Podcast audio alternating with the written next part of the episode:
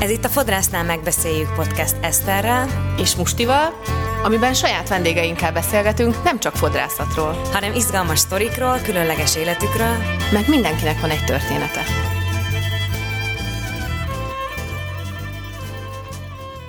Sziasztok! Sziasztok! Sziasztok!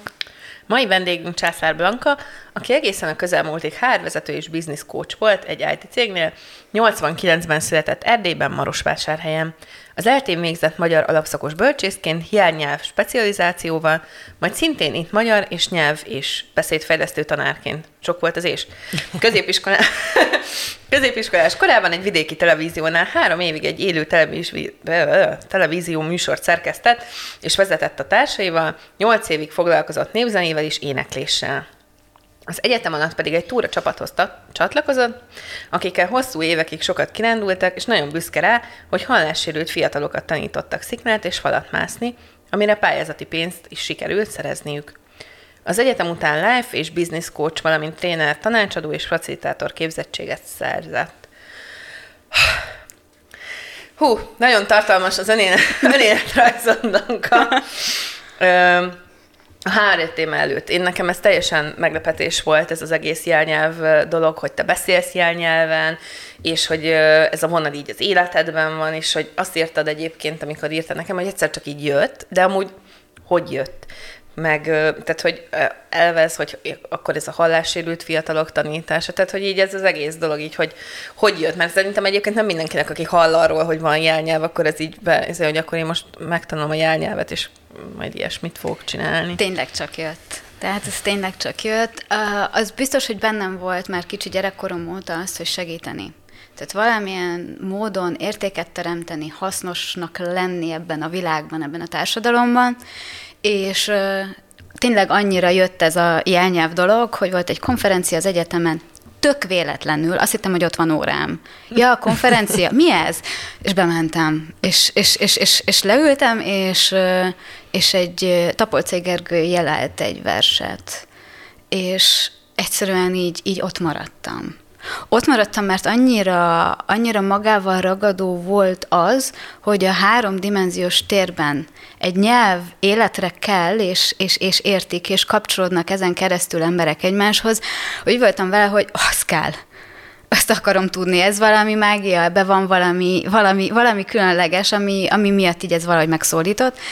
És aztán indult az egyetemen egy jelnyelv specializáció a magyar szak mellett, azt kezdtem el csinálni, és akkor ott szereztem különböző fokozatú képzettséget, vagy végzettségeket így a jelnyelv terén, és akkor kezdtem el végül is a, az alapszakos éveimet így nagyon kitette a második, harmadik évet, nagyon kitette a jelnyelv, és ebből is szakdolgoztam, hogy hogyan, mi a különbség a hétköznap használt jelnyelv között és az irodalmi jelnyelv között, vagyis, vagyis vagyis mi történik akkor, amikor egy hallássérült ember értelmez egy magyar nyelven megírt szöveget, és azt implementálja erre, ebbe a háromdimenziós térben. Mi történik akkor a nyelvvel, hol változik, hogyan változik, és, és hogyan születik meg ez, a, ez az implementáció. Nem is fordítás, inkább ilyen implementációnak mondanám.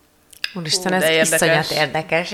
Most erről egy külön részt is beszélgethetnénk szerintem. Amúgy. De nekem pár technikai kérdésem van, ez ugyanúgy, mint mondjuk egy, egy nyelvvizsgánál, ugyanolyan szintek vannak, hogy alap, közép és felsőfok? Nem, egy picit másképpen van szintezve, illetve a jelnyelvet nem is fogadják el nyelvvizsgaként például egyetemi diplomához. Másképpen van szintezve, Ö, rég volt már nem feltétlenül emlékszem, bár valamelyik nap tettem rendet a fiókomba, és azt hiszem öt darab papírt szereztem meg, ami azt jelentette, hogy már mehettem volna tovább a tolmácsképzőre, viszont az meg nem én voltam már. Uh-huh. Tehát engem a nyelv, a jelnyelv az érdekelt ö, úgy, mint hogy milyen emberek működnek így ebben a ebben a közegben, és mi az a kultúra, amihez kapcsolódik, illetve, illetve ö, ők velük ezen keresztül kapcsolódni. Ezek voltak azok a motivációk, amik, amik érdekeltek. A kutatás része az még igen, de az, hogy én egy eszközé váljak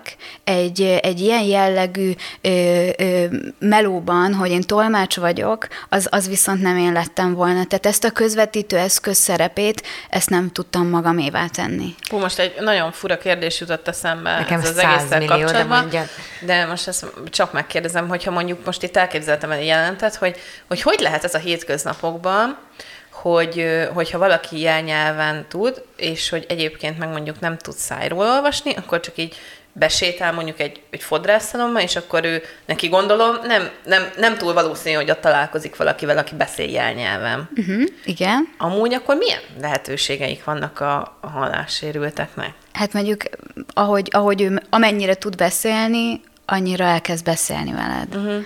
Mert hogy hallássérült, ő, neki csak nincsen meg az a feedbackje, hogy hallja önmagát, hogy milyen hangosan, milyen artikuláltan, és hogyan, hogyan képzi azokat a szavakat.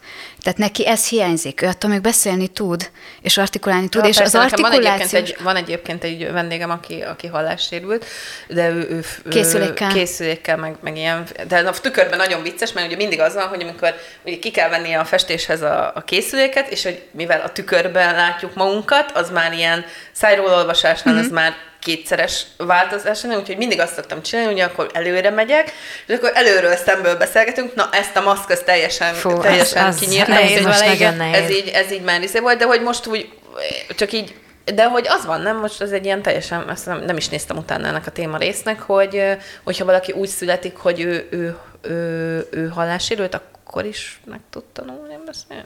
Vagy van ez? Ö, hó, egyébként tényleg komplex kérdéseket feszegetsz. Bocsánat. És, a, és, és azt is hozzá kell tennem, hogy már nem ö, kapcsolódom például siket mm. közösségekhez, nem nagyon tartok kapcsolatot. Ö, nagyon-nagyon ritkán van, hogy, hogy, hogy már előveszem a kezemet.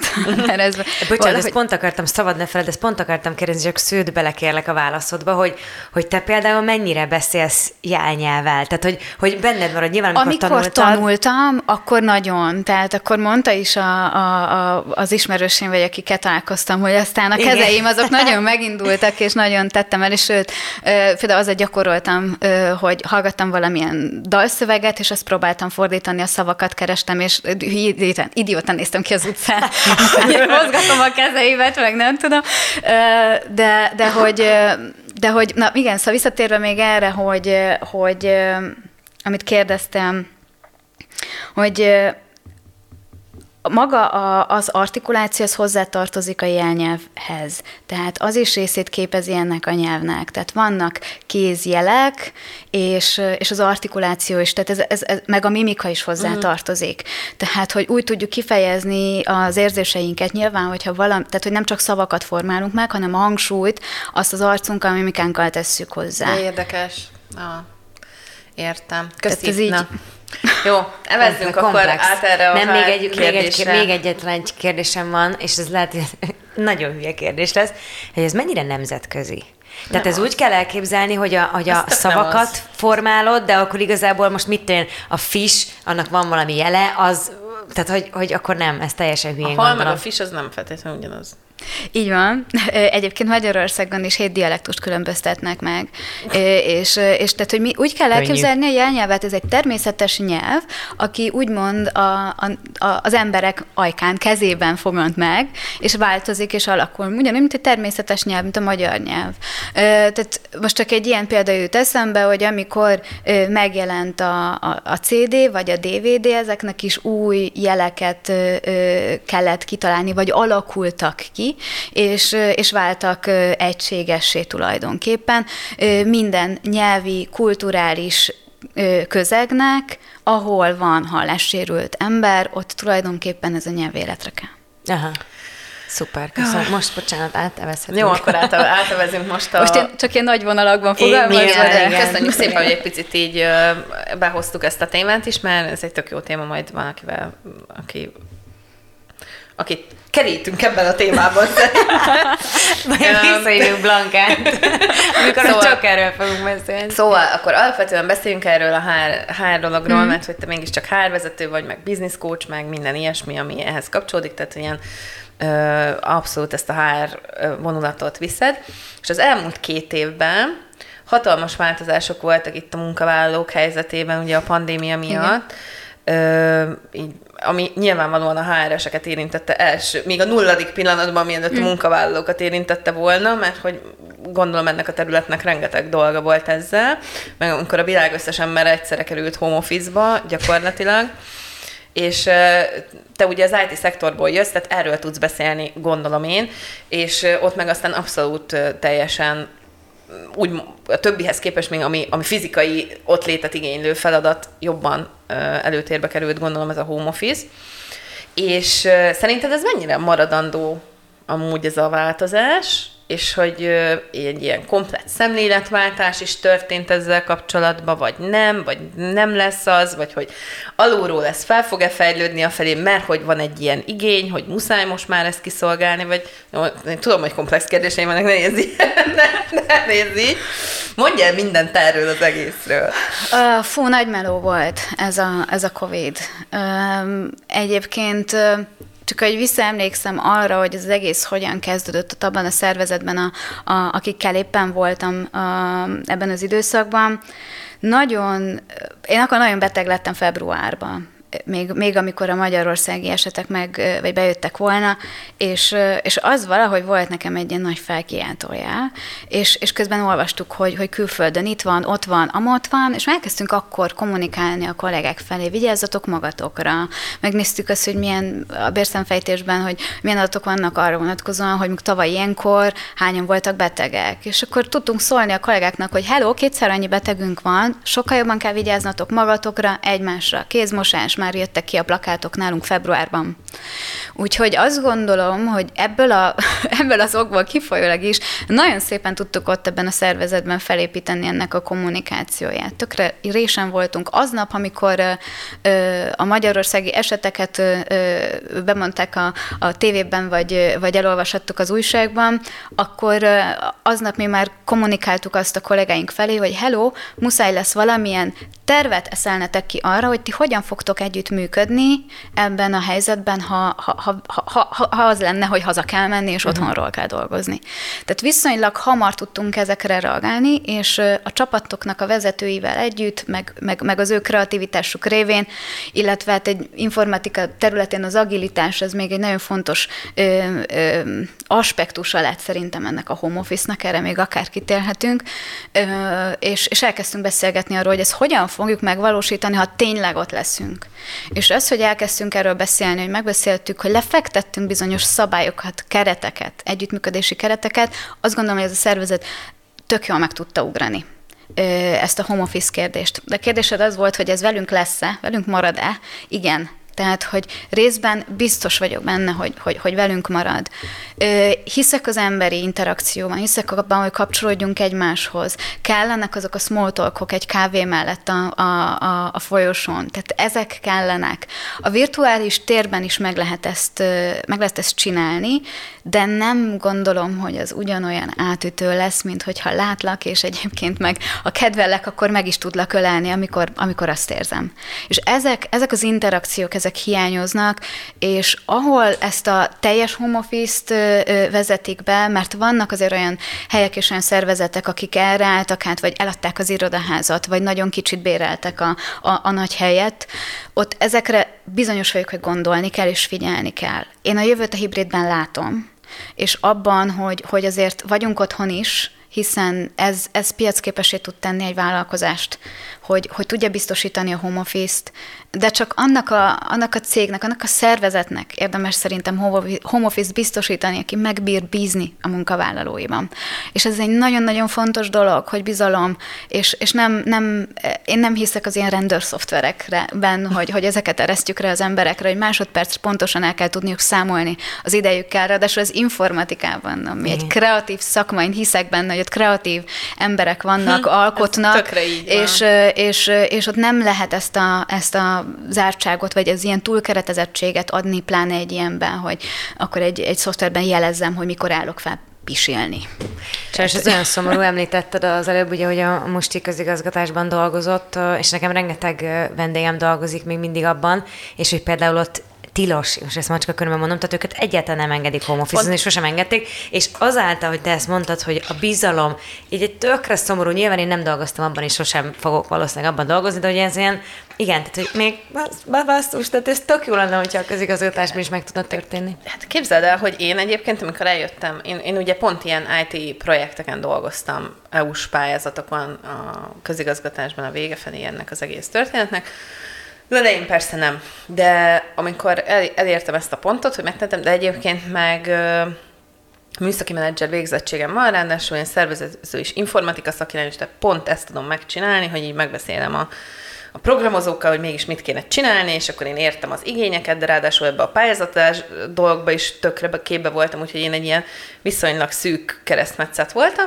és nekem mindig volt munkám, én nem akartam sose dolgozni, de mindig adtam munkát, és akkor én a, a vége felé már abszolút ez, már akkor ben volt ez a fodrászkodás a, a, az életemben, és akkor félig fodrász voltam, félig meg, meg így dolgoztam mindenhol, és mindig úgy mentem, hogy oké, okay, én tökre tudom ezt csinálni, de én, tehát, hogy én akkor még nem, nem így hívta mindenki mindenhol, hogy home office, hanem azt mondom, én rugalmas munkaidővel fogok dolgozni. Tehát, hogy én csak akkor jövök ide dolgozni, hogyha akkor jöhetek be, amikor én be akarok jönni, és ha meg tudtok bennem annyira bízni, hogy én tudom, mert elég sok gyakorlatom van ebben, amit már csináltam, hogy mikor kell ezt megtennem, mikor kell a fizikai jelenlétem ehhez, és mikor nem kell, és mit tudok távolról csinálni, mit nem. De hát ez akkor egy ilyen nagyon izé volt, azon, abban, abban a cégből, amikor eljöttem onnan, és azért jöttem el, mert új vezetés ettek, és mondta, hát biztos, hogy a Mustó Ági nem lesz úgy otthon. Tehát nincsen itt, mm. itt nincs olyan, hogy valakit így nem követünk le reggel 8-tól fél ötig, hogy biztos, hogy ott baszta a monitor előtt. Nem mindegy, hogy nem csinált semmit, de ja. akkor is legyen ott. Legyen ott fizikailag. És akkor mondtam, hogy én ezzel az izével jöttem ide, én most elmegyek. És, de hát én, én ezt megtettem, mert volt B-tervem, de amúgy ott én voltam az egyetlen, aki, aki rugalmas munkaidőben dolgozott. Hm. És csak, én is csak azért tettem meg, mert annyira speciális volt a tudásom, és annyira kellett, és annyira nem lehet a közigazgatásban egyébként it is embert kapni, mert hogy kurva drága, hogy, hogy, hogy én ezért megtehettem, de egyébként ez volt a legnagyobb akadály, és én már akkor is mondtam, ez hat évvel ezelőtt volt, mint még kurvára nem volt szó se erről. Én akkor is mindig, mindig azt mondtam, hogy én nem értem, hogy ezt miért csinálják, de hát nyilván azért csinálják, mert egy autokratikus vezetési formában működik a legtöbb közgazgatási szerv, nyilván, és és ebből nem is nagyon tudnak kilépni. És nem is akarnak De gondolj bele abba, hogy, hogy sok esetben az ember mikor csinál valamit, ha rá van kényszerítve és most rá lettünk kényszerítve erre a, erre, erre a hibrid, meg, meg office történetre, és lehet, hogy a fejekben ott volt, hogy ezt meg kellene ugrani. Egyébként, ahogy beszélgetek partnerekkel a szakmában, ismerősökkel, kollégákkal, így, így ez, a, ez a benyomás, hogy így, így mindenki érezte, hogy ez valahogy így kéne, tehát csak ez a volna, volna, volna, és, és ez a jó volna, de, de nem, nem, nagyon kevés cég, nagyon kevés szervezet volt képes lépni ténylegesen jól felépítve, és azt gondolom, hogy, hogy nagyon sok meló van egyébként ilyenkor egy szervezettel,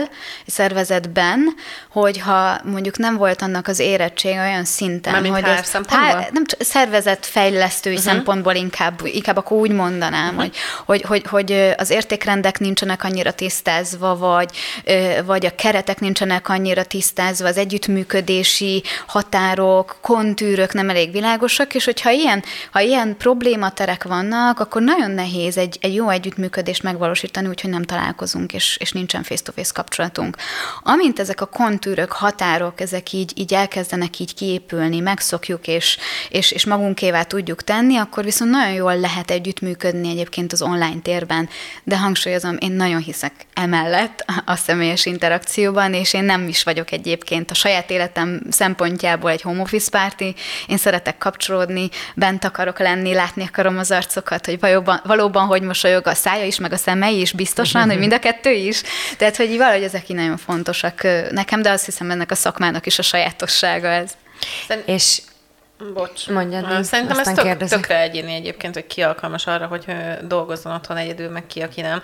Például amikor én olyan munkakörben dolgoztam, ahol mondjuk voltunk 40 egy projekten, és mindenki rugalmas munkaidőben volt, és ilyen terepmunka volt, Hát, és ráadásul hát ott nagyon hamar abban a szerepbe kényszerültem, hogy én ellenőrizgettem a jelentéseiket a, a kollégáknak, meg ilyesmi, és nagyon egyértelmű volt, hogy kik azok, akiknek nem megy az a dolog egyáltalán semmilyen formában, kik azok, akiknek megy. Nekem például mindig tök jól ment, mert én egyébként ahhoz képest, amennyi a munkaidőm hivatalosan lett volna, én mindig sokkal gyorsabban dolgoztam, meg sokkal koncentráltabb tudtam lenni otthon, ahol nem forgácsoltak szét egy kérdéssel, meg ilyesmi, és mondjuk két óra alatt én kb. megcsináltam a napi munkámat mindig.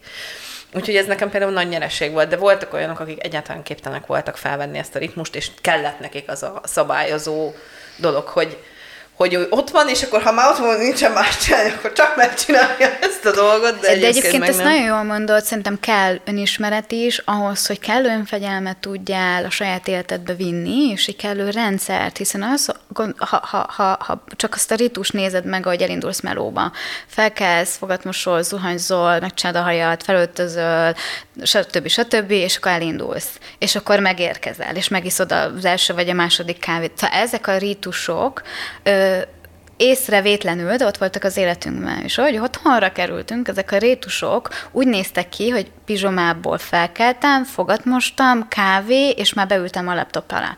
É, vagy elé, és ez mondjuk, tudom én, 10-15 perc alatt lezajlott, és felébredni se volt ideje az embernek, így amikor hirtelen ránk ömlött ez a home office. És akkor az emberek elkezdjen gondolkodni, hogy hoppá, mik azok a ritusok, ritmusok, amik, amik egyébként engem rendben tartanak, hogy én otthonról képes legyek elvégezni a munkámat. Az elején volt ugye egy ilyen apokaliptikus érzés ezzel, amit egy Igen. kicsit ilyen élvezett a, az emberiség szerintem, legalábbis én egy picit úgy élveztem, de volt egy nyilván egy hatalmas félelem, hogy családtagodat fejted magadat, mindenkit, azt se tudod, mi vár rá, de hogy egy ilyen újdonság erejével, hogy egy picit kiszakadsz abból, ami, ami, ami volt eddig, de azt gondolom egyébként, hogy ezt mind individualitás, individuálisan kell megnézni, és egyébként a kérdésemre már válaszoltál is, hogy hogy, hogy látod, hogy ez előny-e a munkavállalóknak, vagy hátrány ez az egész home office dolog, de ugye ebből adódóan például a tesómnak nagyon hiányzik az, hogy ő bejárjon dolgozni, találkozzon a kollégáival. Nem kell az, nagyon hogy minden nap, de hogy ez a hibrid megoldás. De ők azt mondják, hogy vidéken laknak, otthon van a gyerek, meg a kutya, meg a férj, ők betesznek egy mosást addig, és nem végeznek el kevesebb melót, hm. de hogy, de hogy még akár egy kisebb rendszerben, vagy legyen ez egy bármilyen cégnél, akik együtt dolgoznak, még azok közül sem az van, hogy mindenki vissza akar menni dolgozni az egyik vissza akar menni, a másik nem, akkor az nyilván tud egy kis ellentétet okozni Hogyne. még köztük Hogyne. is. Tehát, hogy hogy, hogy hogy dolgoztál eddig együtt, hogy kellett a személyes kontakt, hogy nem tudom, az ági kolléganődet megböktet, na nem megyünk cigizni, vagy izé nem, és akkor úgy ment jobban, ott beszéltétek meg. Szóval ez, ez szerintem nem lehet így skatujába zárni, hogy akkor jobbat tett, vagy rosszabbat. Így van, és azt gondolom, hogy a vezetőknek, és ugye említettem, hogy az agilis szakember, az agilitásnak, feg egy informatikai cégnél, az agilitásnak szerintem nagyon nagy szerepe lehet megnőtt a szerepe. Egyrészt a, a, a, azt, hogy ezeket a hogy vagy típusú kérdéseket, amiket ugye egy kávé mellett, a folyosón vagy egy cigi mellett tettünk föl, hogy ezek a kapcsolódásokból nagyon erőteljesen, és ebben a szervezetben, ahol én voltam, beleléptek ebbe a, e, ebbe a dologba, és, és, és kezdték mozgatni a szálakat. Tehát látszott az, hogy meg kell mozgatni az embereket, és kellenek olyan emberek, akik egy déli stand úgy megmozgatják az embereket, vagy egy retrón, és ezek az alkalmak, ezek az események teremtenek lehetőséget arra, hogy a csapaton belüli kohézió az ne essen szét, amit már személyesen fel tudtunk építeni. Most egy nagyon érdekes aspektusa jutott eszembe ennek a home office témának, amit még amikor felkészültünk nem volt meg, de ez képzeld el, ez, Blanka, ez a nap, ez egy ilyen női nap lett, mert hogy mi úgy veszük fel ezeket a részeket, hogy egyszerre felveszünk egy négy-öt részt, és akkor úgy mennek ki. És ma az történt, hogy reggel kezdtünk a, egy szociológussal, akivel a nőknek a helyzetéről beszélgettünk, meg így egyáltalán ezekről a genderekről, a nők, férfik, szerep, férfik, férfik, férfik szerepe, meg STB, STB, aztán itt volt nálunk Fanni, aki, aki biológiailag eredetileg nem volt nő, de most nőként él, és akkor itt is beszélgettünk a, most már egy teljes értékű nő, és akkor a nőiességről beszélgetünk, úgyhogy ez egy ilyen női nap, és akkor most arra jutottam, ugye még beszélgettetek magammal, hogy egyébként, amikor a nők kerültek home office-ba, nekem voltak a vendégeim közül nagyon sokan, akik arra panaszkodtak, hogy elkezdték tőlük elvenni azt, hogy, hogy egy az otthoni munkájukat is csinálják, tehát hogyha már otthon van, akkor főzzön, a, vagy, Tegyen tehát, mosást, akkor, akkor, ha akkor csak meg kell csinálni a mosást, nem csak mások, ők is maguktól, tehát ha otthon vagyok, akkor ugye most meg tudnám csinálni a mosást, akkor le tudom törölni a port, akkor Egyébként tudnék jogázni fél gyerek, órát. Nekem, akkor nekem kell vigyázni a gyerekre. Egyébként a gyerek is otthon van, akkor nekem kell segíteni a gyereknek is tanulni, és amúgy én is itthon vagyok, és amúgy most csinálom azt a 8 órás munkaidős munkámat, amit egyébként eddig nem itt ebben a térben csináltam, hanem a munkahelyen. Szóval, hogy ez eddig eszembe se jutott, még ezek így a témák így nem kerültek egymás után így elém, hogy, hogy ez egyébként mekkora plusz terhet rót magukra, a női munkavállalókra, mert azért szerintem ne legyünk álszentek, a férfiaknál szerintem ez nem annyira jött fel, ez a, ez a kis elváráska. Um, nem szeretek így általánosítani, mert én meg sok férfivel dolgoztam együtt informatikai cégnél.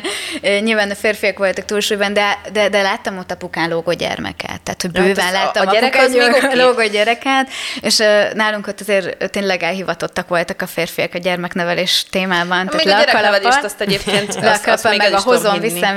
De valóban én azt gondolom, hogy nagyon nagy terheket rót a családokra ez az időszak. Nekem nincsen gyermek gyermekem, de én is nagyon nehezen éltem meg ezt, a, ezt az időszakot, hogy, hogy hogyan osszam be, hogyan keretezzem magam újra ebben a, ebben a, ebben a helyzetben. Azt már azt már így, így, így viszonylag hamar éreztem, hogy ez a változás, ez nem, nem fogja azt hozni, hogy vissza a régi életünkhöz, úgyhogy én ezt így félre is tettem, a régi életünk az volt, és most van egy új, amiben, amiben létre kell hoznunk azt az új életformát, ahol, ahol, ahol tudunk újra boldogulni, és, és ezen keretek között újra működni. De, de, de tény, hogy ez egy hatalmas kihívás volt a családoknak, az anyáknak, a matek tanár anyámat látva is az online oktatásban láttam a kihívásokat. Női vezetőként te tapasztaltad bármikor a, ezt az üvegplafon jelenséget? Tehát, hogy ért bármilyen hátrányos megkülönböztetés amiatt, mert, mert nő vagy? Főleg egy ilyen szakmát, tehát informatikával. Um, Mondhatnám azt, hogy igen, de nem szeretném így megfogalmazni. Akkor hogyan szeretném Úgy szeretném megfogalmazni, hogy vannak olyan, olyan, olyan férfiak, akik, akik a, nem tudnak kellően szabadon, vannak olyan emberek, nem csak férfiak, most itt egy férfiről volt szó, vagy több férfiről, teljesen mindegy, nem tudják a szabadságokat megélni kellőképpen, és, és emiatt frusztráltá válnak. És hogyha egy nő viszont meg tudja élni a szabadságát, egy munkahely keretei között is, és sikeres és jól végzi a munkáját, akkor igen, lesznek feszültségek ezekből. Hátrány?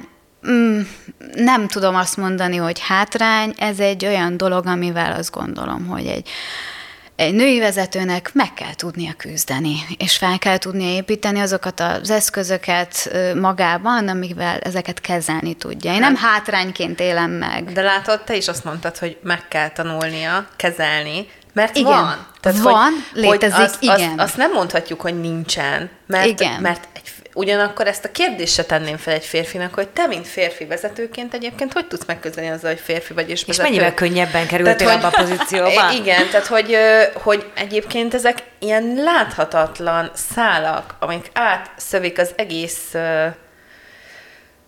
társadalmunkat, személyiségünket, a neveltetésünket, amiket olykor észre se veszünk saját magunkon is, hogy egyáltalán már abból a térből létezünk, hogy, hogy tudjuk, hogy ez van, és ezzel számolnunk kell. Mondjuk hülyeség lenne úgy tenni, mint hogyha nincsen, hogyha van, hiszen akkor csak kikerülöd a problémát, és nem megoldod. Hát de meddig de... kell visszamenni egyébként? Mit gondoltak lányok? Tehát, hogy, hogy meddig kell visszagörgetni? a Gregor Anikóra. Igen, mindenki. Aki az mai első vendégünk volt, elolvastuk a tanulmányokat. Igen, de hogy meddig kell visszamenni? Tehát, hogy nyilván ez onnan indul az óvodában, óvodában is edukálsz már. Tehát, hogy szerintem mert hogy nyilván mindent a nulladik perctől kezdve kell, és a befolyásoltságon lehet azért majd valamit reszelni, de hogy, hogy hova kell visszamenni, tehát hogy ezt, ezt mikor el az ember? Most én meg, megint csak itt elbrándozom hipotetikusan. Szerintem ez, ez, ez rakódik ránk, elsődleges, másodlagos. Én a munkahelyet szoktam a harmadlagos szocializációs szintérnek nevezni, ugye elsődleges család, másodlagos, amikor közösségbe kerülünk iskolába, és tökre hiszem az, hogy a harmadlagos szocializációs közegünk a munkahely. És ezek, ezek, ezek így rakódnak ránk, ez mint egy ilyen hagymahéj és, és, és rakódnak ránk ezek a sérülések is, ezek a tapasztalások is, és azt gondolom a helyzet, meg bizonyos helyzetek meg fel kell tudjanak növeszteni bennünket, női vezetőket arra, hogy, hogy képesek legyünk megküzdeni ezekkel. És én nem tulajdonítottam tulajdonképpen ennek a nagy jelentőséget, hogy én, hogy én sok férfi között vagyok ö, női vezető. Ö, akkor volt egy olyan tapasztalásom, amikor, amikor ugye HR, a HR-ben azért érzékelünk, és szerintem nagyon fontos, hogy, hogy, hogy legyen egy membránunk, amivel a szervezetnek a, a rezgéseit, rezonanciáit, rezdüléseit érzed, hogy mi történik most, hogy, hogy, hogy, hogy van-e mozgolódás az egyik csapatban, van-e probléma itt, vagy ott, vagy amott. És, és hogyha vagy egy ilyen jó érzékelő, vagyis magasan képes vagy érzékelni másoknak a, az érzéseit, akkor, akkor, akkor ebből mit tudsz te csinálni? Szerintem erre a nők képesek inkább ennyire jól érzékelni, de az érzések mögött van ám ott egy strukturális probléma általában. Szóval azok az érzések nem vetlenül jönnek létre, és erre szerintem a férfiak kevésbé képesek, és nem is feltétlenül értik ezt a működésmódot. Hm. Uh-huh. Egyébként én láttam, vagy hát, hogy, hogy volt már olyan példa előttem, hogy, hogy egy kicsit ki is bújnak a nők, vagy vannak olyan típusú nők, akik kibújnak mondjuk az alól, hogy a felelősségvállalás, hogy jaj, nem, nem, azt majd megcsinálja egy, egy pasi, mert hogy ő ért ahhoz. Tehát ez is egyébként tök érdekes, hogy nyilván ezt is individu- individuálisan kell, kell tekinteni. Hm. Tehát akkor tulajdonképpen azt mondod, hogy a te szakmádban, meg a te szkíjeiddel, aminek egy része azért is passzol ehhez jobban, mert hogy nő, vagy tulajdonképpen ez előny? Bizonyos Ö, szempontból, hogy a, a, igen, a nőséged. Én, én, én a magam nőiségét a szakmában abszolút egy pozitív dolognak élem meg, és nagyon fontosnak gondolom azt, hogy a nőiségemet a szakmaiságomon, a szakmai szerepidentitásomban a nőiség, mint olyan, az ott van, jelen van, és én dolgozom vele és használom. És ez egyébként egy férfi, a saját férfiasságával, a saját szakmai szerep identitásában. Ő is dolgozik a férfiasságával, hogyha kellően tudatos, és tudja, hogy van neki, és tudja, hogy hogyan kell azt használni. Hm. Igen. Igen.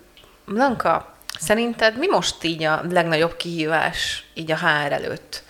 Mi, mi az, ami, ami ami most egy ilyen nagy megoldandó feladat lenne. Most alapvetően ugye az IT-ban én legalábbis nagyon sok ilyen hangot hallok, vagy nagyon sok IT-t ismerek már csak a főiskoláról is, meg egyébként is a barátaim elképesztően nagy része dolgozik az IT területen, hogy, hogy ugye nagyon sokat kérnek az IT szakemberek, nem feltétlenül tudnak úgy fizetni, nagy az elvándorlás, Börö, börö, börö. Most már minden van, aki Szerintem... akar lenni, van, aki nem akar home lenni. Van-e olyan szakember, nincs olyan szakember, junior, de nem junior feladat, estébe, estébe, estébe, tehát mi, mi az, ami szerinted így egy ilyen megoldandó kérdés. Szervezete válogatja. Egyébként én azt gondolom, de az erőforrás hiány, a jó minőségű erőforrás hiány, az azt gondolom, hogy az IT-ban bizonyosan, bizonyosan egy nagy probléma és egy nagy megoldandó feladat. Egyrésztről itt van egy ilyen gazdasági aspektus is, infláció, stb. A bérek e- ezen okból kifolyólag is változnak. És itt azért sokkal dinamikusabban, mint mondjuk egy más területen. Én azt gondolom, hogy ez egy ilyen szignifikáns szignifikáns pont, nagyon gyorsan változik, fejlődik ez a szakma. Tehát nem, volt olyan időszak, amikor, amikor például DevOps mérnököt kerestünk, és, és volt... Az micsoda? Az, az ne, ne menjünk vele a mély informatika, de, de egy, egy, egy viszonylag, akkor még egy viszonylag új szakma volt ez az üzemeltetési területen, egy picit az üzemeltető és a fejlesztőnek a találkozása uh-huh, uh-huh. volt ez, a, ez, a, ez, a, ez az új szakma, mit tudom én, még hat évvel ezelőtt, és nem nagyon lehetett Magyarországon, és még a nevét is úgy találgattuk, hogy akkor most akkor hogy hívjuk őt, vagy mi is lesz akkor a neve ennek az új szak, szakterületnek. Ezek születnek születnek, születnek újra és újra, és, vagy újabbak és újabbak, tehát a technológia hihetetlen gyorsasággal fejlődik, és, és az is egy kihívás egyébként, hogy például hogyan tud egy 50 éves fejlesztő hosszú távon, vagy még, még, még ott lenni, még jól csinálni, még jelen lenni, és akkor jönnek a fiatalok egy teljesen más attitűddel, az új generációk máshogyan fogják meg a melót, máshogyan tekintenek a munkára, sokkal több szabadság kell, sokkal több ez az más más, más dolgok, és ez egy, ez egy nagyon izgalmas dolog HR szempontból, hogy ezt a sok színűséget és ezt a hihetetlen változatos dolgot kezelt egy szervezeten belül, és próbáld azt a hajót egy irányba tartani. Hmm. Hmm. Igen, egyébként ez a tehát most azon gondolkoztam, hogy én hogy tekintettem mindig azokban a szervezetekben, ahol dolgoztam a HR, HR területre, vagy a HR-esekre, és így most egyébként rájöttem, hogy szerintem én ilyen igazi HR-es nem is találkoztam. Amúgy az alapján, amit most elmondtál, hogy mi mindenre figyelnek egyébként a, a HR vezetők, én szerintem azokban a szervezetekben... De és még nagyon sok mindenről nem beszéltünk, hogy még mire kellene szerintem. Mire kellene szerinted még figyelni, Blanka? Fú, én azt gondolom, hogy a, hogy a HR-nek nagyon fontos, hogy egy nagyon jó vezetői réteget építsen ki, aki nagyon jól tudja mozgatni a szervezetet. Tehát, és, és a hozzájuk való kapcsolódás az is szignifikáns. Mondom, hogy nagyon-nagyon hiszek abban, hogy az ember-ember közötti kapcsolat és, és a jó vezető az, az mindig egy nagyon kulcs, kulcspont, mert abban is hiszek, hogyha egy valaki el akar menni, akkor meg kell tudjuk, tehát hogy olyan közeget tud, kell tudnunk teremteni, hogy ő tudjon beszélni arról, hogy neki valami nem jó. Hogy el tudja mondani, hogy én el akarok menni, azért, mert nekem nem tetszik ez a feladat. De ilyenkor, hogyha el tudja mondani, tehát van az a bizalom, fel van építve az a bizalmi szint a vezető és a beosztott között, akkor tudnak ők beszélni arról, hogy hogyan változtassanak. Abban az esetben nincsen meg ez a bizalom a vezető és beosztott között, akkor viszont nem fognak erről beszélni, és csak egy felmondást fog kapni a HR. És hogy ez, ez arakuljunk ki a szervezeti kultúrában, ezért baromi sokat kell dolgoznunk egymáson és egymásért, ahhoz, hogy egymást tudjuk megtartani. Mert nem a HR tartja meg a, a, az embereket, hanem az emberek tartják meg egymást. A HR maximum eszközöket tud adni arra, hogy meg tudják tartani egymást az emberek, vagy tud mm. tanítani új dolgokat, hogy hogyan tekintsünk bizonyos helyzetekre, dolgokra. Ez is egy nagy kihívás, de számos olyan dolog van, ami, a, amiben szerintem a HR-nek, a modern HR-nek szerepe van. Sajnos még mindig sok olyan helyet látok, ahol a HR egy végrehajtó, administratív végrehajtó egység, nem pedig egy szervezeti egység a szervezeten belül, ami azt drive hogy ez a szervezet egyen jobb legyen holnap, mint ma volt. Hm. Ha már itt a felmondás szóba került, akkor ennek kapcsán, hogy mi ez a hiba egyébként, amit az emberek a legtöbbször elkövetnek egy állásinterjú során, ugye itt, mert a felmondást általában egy, egy állásinterjú fogja követni jobb mm. esetben. Tehát mi az, amit, amit elkövetnek hibát? Szerintem az, hogyha nem igazak, én legalábbis az, hogyha ellentmondásokat vélek felfedezni egy beszélgetésben, akkor ez nekem már nem oké. Én egy hiteles szakemberrel és egy hiteles emberrel szeretek beszélni, amikor, amikor arról beszélünk, hogy ő eladja a nyolc óráját, én meg meg akarom venni, mert hogy ez egy üzlet. Uh-huh. És üzletről tisztán és egyenesen beszélünk, hogy te mit fogsz tudni eladni nekem, azért a pénzért, amit, amit, amit kialkuszunk itt most, ezután a beszélgetés után, és hogyha én tisztán odaadom fekete-fehéren azt az összeget neked, akkor neked is kutya kötelességed azt a tudást, amit nekem eladtál, vagy elmondtál az interjún, azt adni is. Szóval nekem a hiteles emberek azok, akik, akik igaziak lesznek egy interjúban. Szóval sok, hogy, sok mindenképpen el lehet rontani egy interjút, de szerintem sokkal hitelesebb az, hogy ha egy interjún mondjuk elmondjuk, hogy izgulok, mert akkor teljesen, teljesen rendben van, hogy valaki izgul egy interjún. De akkor van lehetőségem arra, hogy az izgulást azt így leszedjem róla, ja. és annak tükrében értelmezzem őt, hogy ő izgult. Jaj, bár csak minden HRS ilyen lenne, mint te Blanka, de tényleg. De volt már olyan egyébként, hogy valaki annyira jól át tudta verni saját magát kezdve, hogy, hogy mit tudom én, egy pár hónap után derült ki, hogy hé, haver, hát ez nem, nem, nem ez volt a kontraktben. Bizonyos pszichopátiás betegségeket Igen. nem bírok felfedezni interjúban.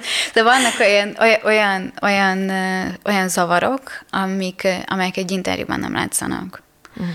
És, és volt, igen, sajnos találkoztam olyan, olyan jelöltel, akivel aztán kolléga lett, zseniálisan brillírozott az interjún, tényleg fantasztikus volt, csak aztán azt az ingadozást, amit ő, ő, ő képviselt a szervezetben, azt viszont nem lehetett tolerálni, és pláne egy vezetői pozícióban volt ő, és, és ott, ott, ott ezt nem lehetett elfogadni ezeket nem lehet ö, ö, kiszűrni szerintem, és szerintem is feladata egy hr hogy ezt kiszűrje, hogy valakinek van-e még valami a puttonyába. Mondom, az ilyen inkoherenciákat ki lehet, önéletrajz mennyire van összerakva, valóban azt mondja el önmagáról, ami az önéletrajzban szerepel, bár én nem szeretem az önéletrajzot felmondatni, annak nem látom értelmét, de azt gondolom, hogy ha őszintén megyünk oda egy interjúra, őszintén vállaljuk azt, hogy éppen miben vagyunk, hogy izgulunk-e, vagy nem tudom, tegnap elhunyt valaki, aki fontos volt, és ebben az érzelmi állapotban vagyunk jelen ebben a beszélgetésben, akkor szerintem nem lehet hibázni. Hmm. Hmm.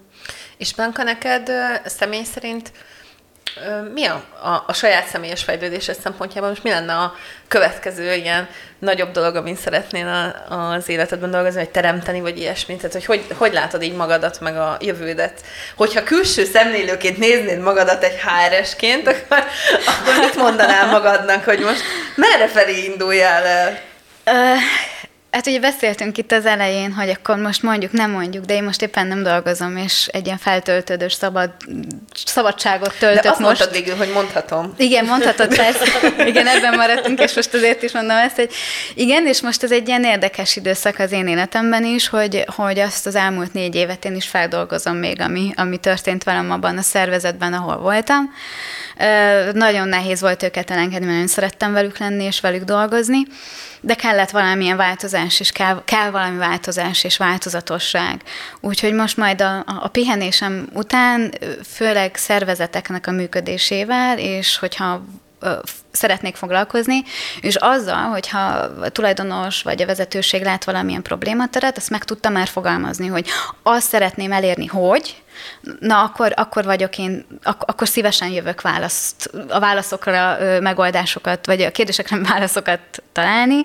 Tehát igazából ez a szervezetfejlesztés és a HR kapcsolódása. Én nem tudok most már így a szervezettől eltekinteni, meg a HR sem tudom ettől külön kezelni, hiszen egy egész szervezetért felelős a HR, a humán erőforrásért, ami a legnagyobb érték, az ember a legnagyobb érték a szervezetben. Hiába van csili laptop, meg eszközök, meg nem tudom, meg bármi, meg csúszda egy, egy munkahelyen, akkor is a legnagyobb érték, akkor is a humán erőforrás lesz, az ember lesz a legnagyobb érték, és a HR ezért felel, hogy ezek az emberek jól legyenek, és hogy elégedettek legyenek azzal, amit ők kapnak, illetve a munkáltató is elég, elégedett legyen azzal, amit kap. Tehát ezért a balanszért felelős a, a HR, és azt gondolom, hogy ezt ilyen nagy szeretettel lehet csinálni, és, és, és, és most így erőt gyűjtve erre készülünk, hogy valahol lesz majd újra. Hogy rá, ráengeded a szeretetedet a szervezetekre. Így van, így van. Hát egyébként abszolút ezt ilyen nagyon hitelesen tudod képviselni, szerintem, hogy ezt ilyen szívből, meg szeretettel érdemes így csinálni. Hát mondom, én még nem találkoztam olyan HR, olyan HR képvisel, HR-nek egy olyan képviselőjével, aki, aki így így nem tudom, most a saját magam hr vagyok a cégemmel. Motivációs, Na, és jó fej. motivációs problémák vannak. Motivációs problémák vannak a cégem belül. Most szerintem valamilyen csapatépítőre el kell vinnem magamat. Én így vagyok ezzel. De egyébként jó fej a HRS itt is, itt szeretett ja, van. Ja, én is bírom. Szeretett van. Köszönjük szépen, Blanka, hogy jöttél hozzánk, és beszélgettünk. Nagyon jó volt kicsit belelátni ebbe az egészbe, tényleg, ez az egész összeszövetségén. Nagyon jó volt veletek, én köszönöm, hogy itt lehettem. Most, most jön az outro, amit még nem vettem. Amit igen. szóval kövessetek minket az Instagramon, a Mustármagon és az Esztert az Esztheren, illetve a Proher Budapestet mindenképpen, és hogyha úgy gondoljátok, hogy értékes lehet ez a tartalom valakinek, akkor kérlek osszátok meg az ismerőseitekkel, akár szóban, vagy akár privát üzenetben, vagy akár uh, nyilvános megosztást választjátok, mi mindegyikért borzasztóan hálásak vagyunk, és köszönjük, a támogattok minket így, ilyen formában, mindig délben, vasárnap jön ki a következő rész. Ugye mindenhol ott vagyunk, Spotify-on, YouTube-on, Apple Podcast-en, Google Podcast-en, szóval mindenféle ilyen podcast csatornákon, meg még egy csomó, nem, most nem mondunk el, mert sose tudjuk, hogy hol. Úgyhogy ennyi. Köszönjük szépen. Köszönjük szépen, Köszi hogy velünk voltatok. Köszi Blanka. Köszönöm én